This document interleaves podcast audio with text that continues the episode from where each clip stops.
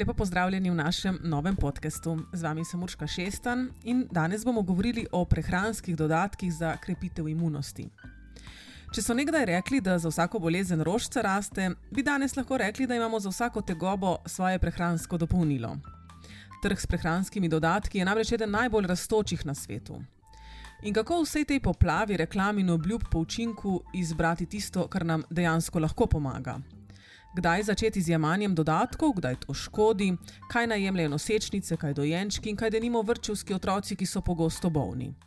Odgovore na to bomo poiskali pri profesorju dr. Borotu Štruklju z Fakultete za farmacijo, ki se že desetletja ukvarja s prehranskimi dopolnili in je, kot boste slišali, zakladnica informacij.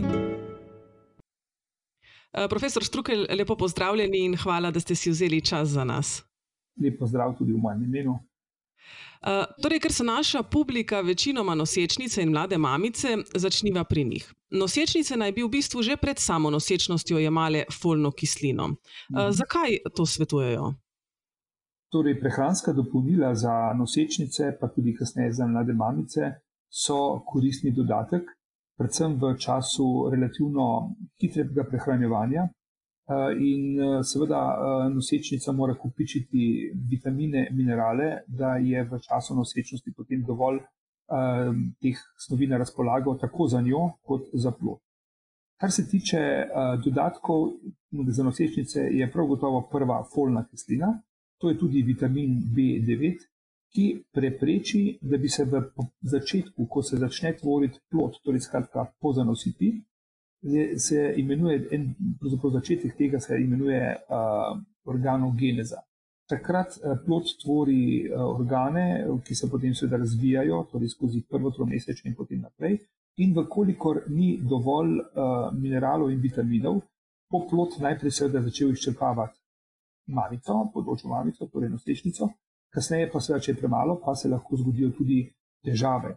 Težave so predvsem uh, pri pomankanju vitamina B9, ko imenovana spina bifida, ne dovolj zaraščen krtenjačni del. Potem so tukaj lahko recimo pojav različnih malformacij, ne samo kosti, ampak tudi uh, mehkih tkiv. Tako da absolutno priporočamo približno 400 mikrogramov folne kisline skozi celo nosečnost, pa tudi lahko kasneje.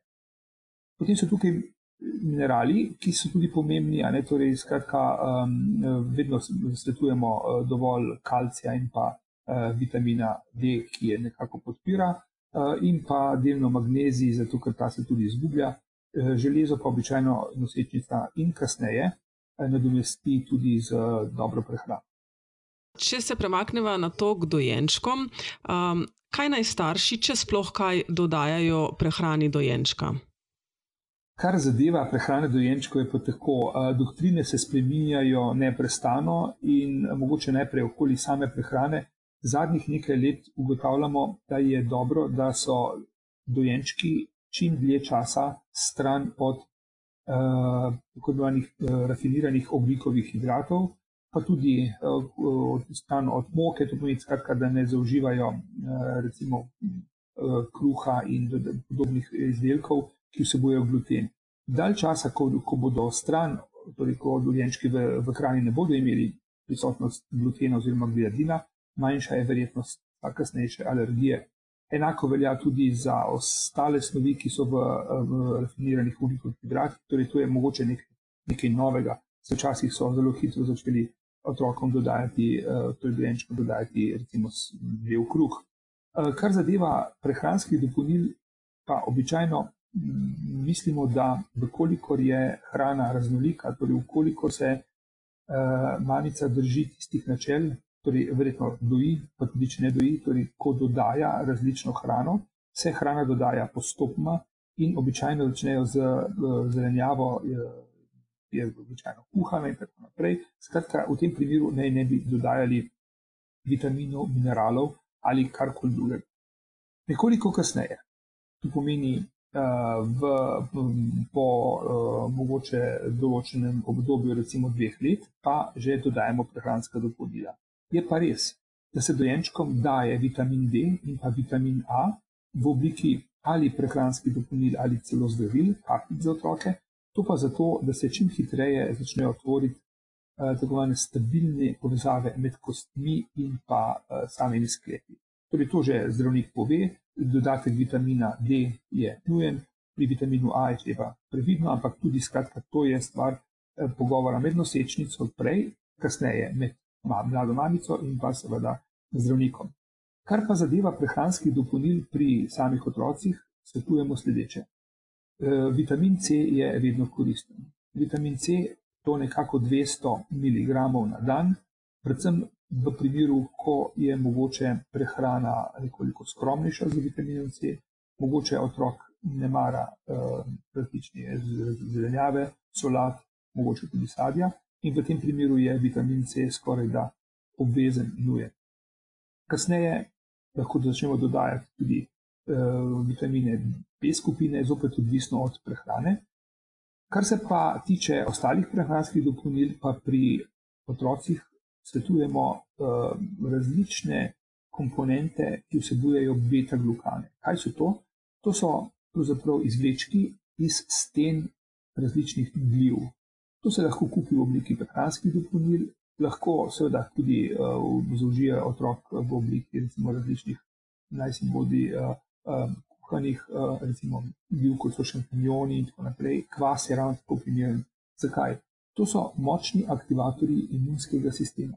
In skupaj z vitaminom C bo tak otrok odpornejši.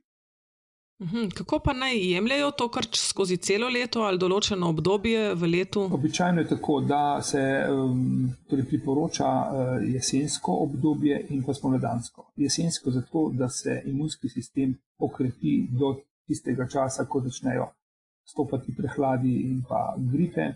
Uh, spomladansko pa zato, ker je telo mogoče že nekoliko izčrpano, skratka spet vprašanje, koliko ima otrok še neke določene rezerve. Zanimiv je recimo kvas, ki ga nekateri otroci radi jedo, nekateri ga pa absolutno ne marajo. Ampak kvas lahko posušimo in minimalno žličko, to pomeni pol žličke na dan, lahko vmešamo suhega kvasa v jogurt, v mleko, v sadni sok. In če to otrok popije, bo aktiviral tako imenovane antigen prezentirajoče celice. To, so, to je del imunskega sistema, ki je že začel, začne se že v črevesju in na ta način aktiviral imunost. To je pravzaprav razumljivo, saj če pogledamo, kako so včasih živela ljudstva, ko ni bilo dovolj čistote. Čistoča je pravzaprav en problem. To je seveda lepo, lepo, da imamo čisto stanovanje, ampak na ta način podstranjujemo tiste mikroglive, ki so prisotne recimo, na tleh, v prahu in tako naprej. In otroci, sodobni otroci, pravzaprav ne prihajajo v stik z snovmi, ki so koristne za aktivacijo imunskega sistema. Zato si res lahko pomagamo ali s kvasom, ali pa z recimo raznimi gobami, ki jih lahko kupimo v dobro združenih trgovinah, kot so recimo šitake, potem so tukaj ostrigari, eh, šampinjoni in tako naprej. Ali pa seveda, če nam je lažje, kupimo prehransko dopolnilo z beta-glukani. Teh prehranskih dopolnil je veliko na razpolago, pri, prilagojeni so tudi otrokom in to so pravzaprav snovi, ki jih nekako priporočamo. Uh, poleg tega uh, priporočamo pri nekaterih otrocih tudi uporabo probiotikov, zopet ne vedno, ampak so no, v primeru, ko nastopi točna driska, ki je pri otrocih lahko zelo hitro prisotna. Uh, v takih primerih si lahko pomagamo tudi z čajnimi pripravki, recimo z uh, suhimi borovnicami ali pa z minimalno hrastovega, uh, hrastove skorje. Seveda pri otrocih ne smemo ničesar pripravati, v primeru, da pripravljamo, lahko pride do zaprtja. Uh, tudi uh, aktivno oglje je primerno, tako da na ta način nekako poskušamo otroško črevesje čim prej spraviti spet v neko funkcionalno stanje. Se pravi, je vse to, kar ste omenili, eh, tudi dobro za tiste otroke, ki so recimo veliko prehlajeni, imajo veliko virus, takrat, ko začnejo vem, hoditi v vrtec, v osnovno šolo. Tako je. Torej, ko se otrok nekako spopade z okoljem, torej sreča z svojimi vrstniki, ki so lahko recimo, že prekuženi, imajo so že nekako bi izpostavljeni določenim patogenom, takrat nastopijo bolezni, ki so, pravimo, običajne. Pravimo, nekako otroci jih morajo preboleti tako ali drugače. Tukaj seveda ne mislim toliko na klasične uh, otroške uh, bolezni, ki jih povzročajo virusi, recimo ošpic in tako naprej, ampak mogoče bolj tiste, tiste, v mislih imamo tiste viruse, ki se jim delno lahko zognemo, predvsem pa, če se jim ne, pa um, eh, tak otroški organizem lažje preboli bolezen. Torej, to so določeni prehladi, tukaj so predvsem gripe. Gripe pri otrocih običajno minejo lažje kot pri odraslih, ampak seveda, če se to ponavlja dalj časa, če je takih bolezni več v neki sezoni, potem to izčrpuje organizem otroka. Pri otroku moramo vedno pogledati najprej osnovno stanje, skratka, ali je organizem fiziološko običajno razvit, kar pomeni, da je krvna slika relativno v redu, kot sem rekel, da je prehrana v redu, da je spanje dovolj.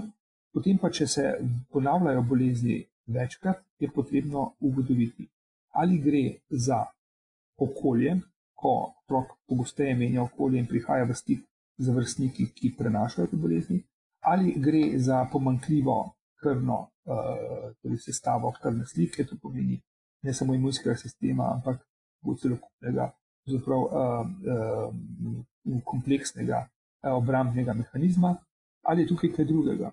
Včasih smo recimo odstranjevali mandlje, ki so bili zarišča, predvsem bakterijskih infekcij, no sedaj je doktrina drugačna in si lahko pomagamo z imunostimulanci, ki pa morajo biti temeljiti na naravni osnovi.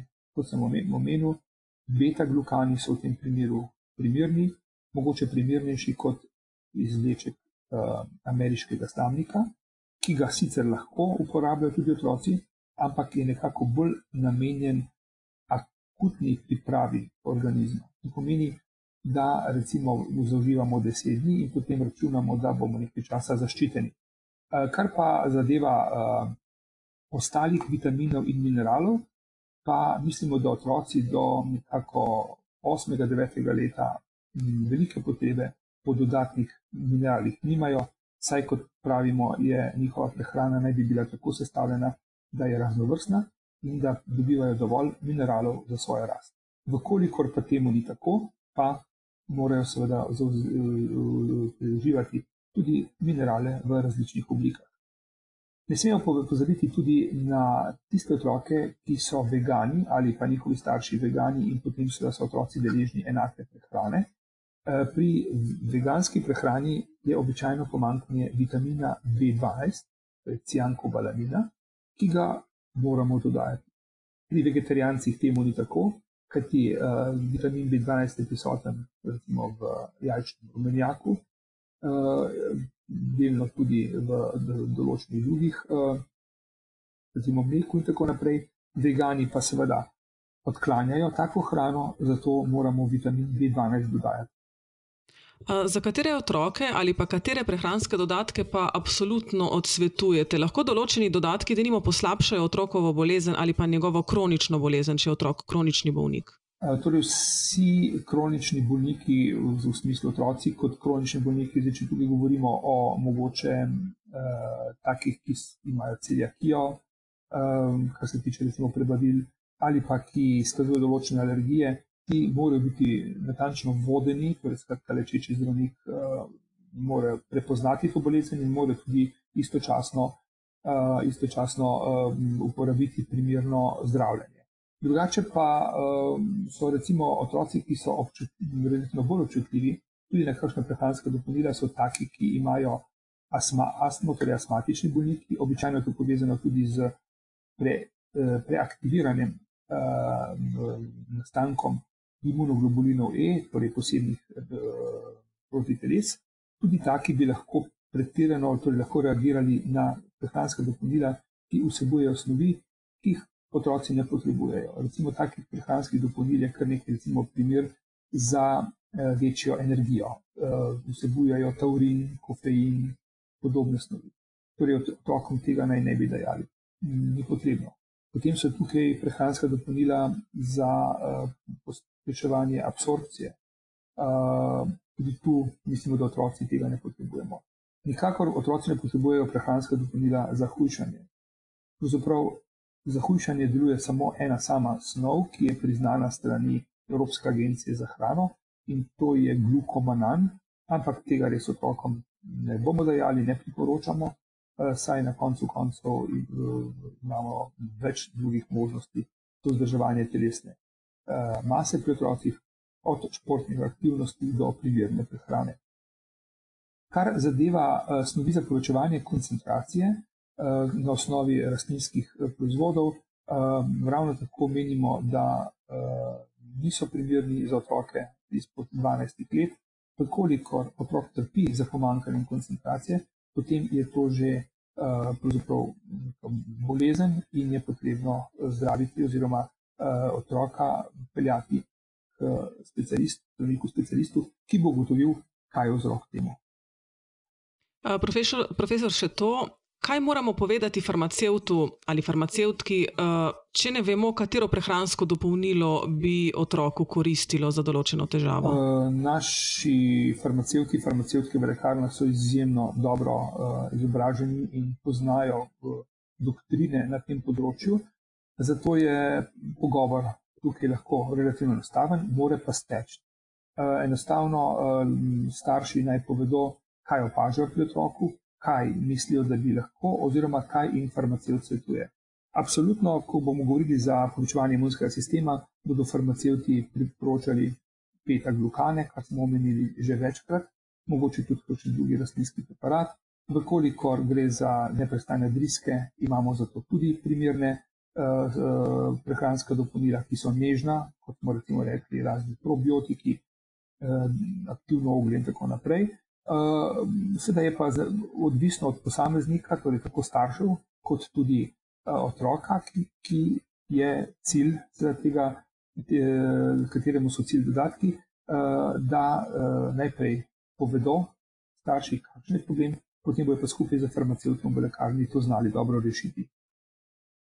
Profesor Štrukel, eh, najlepša hvala za vse te zelo koristne informacije. Vi ste res zakladnica teh eh, in se vam najlepše zahvaljujem, da ste si vzeli čas za nas.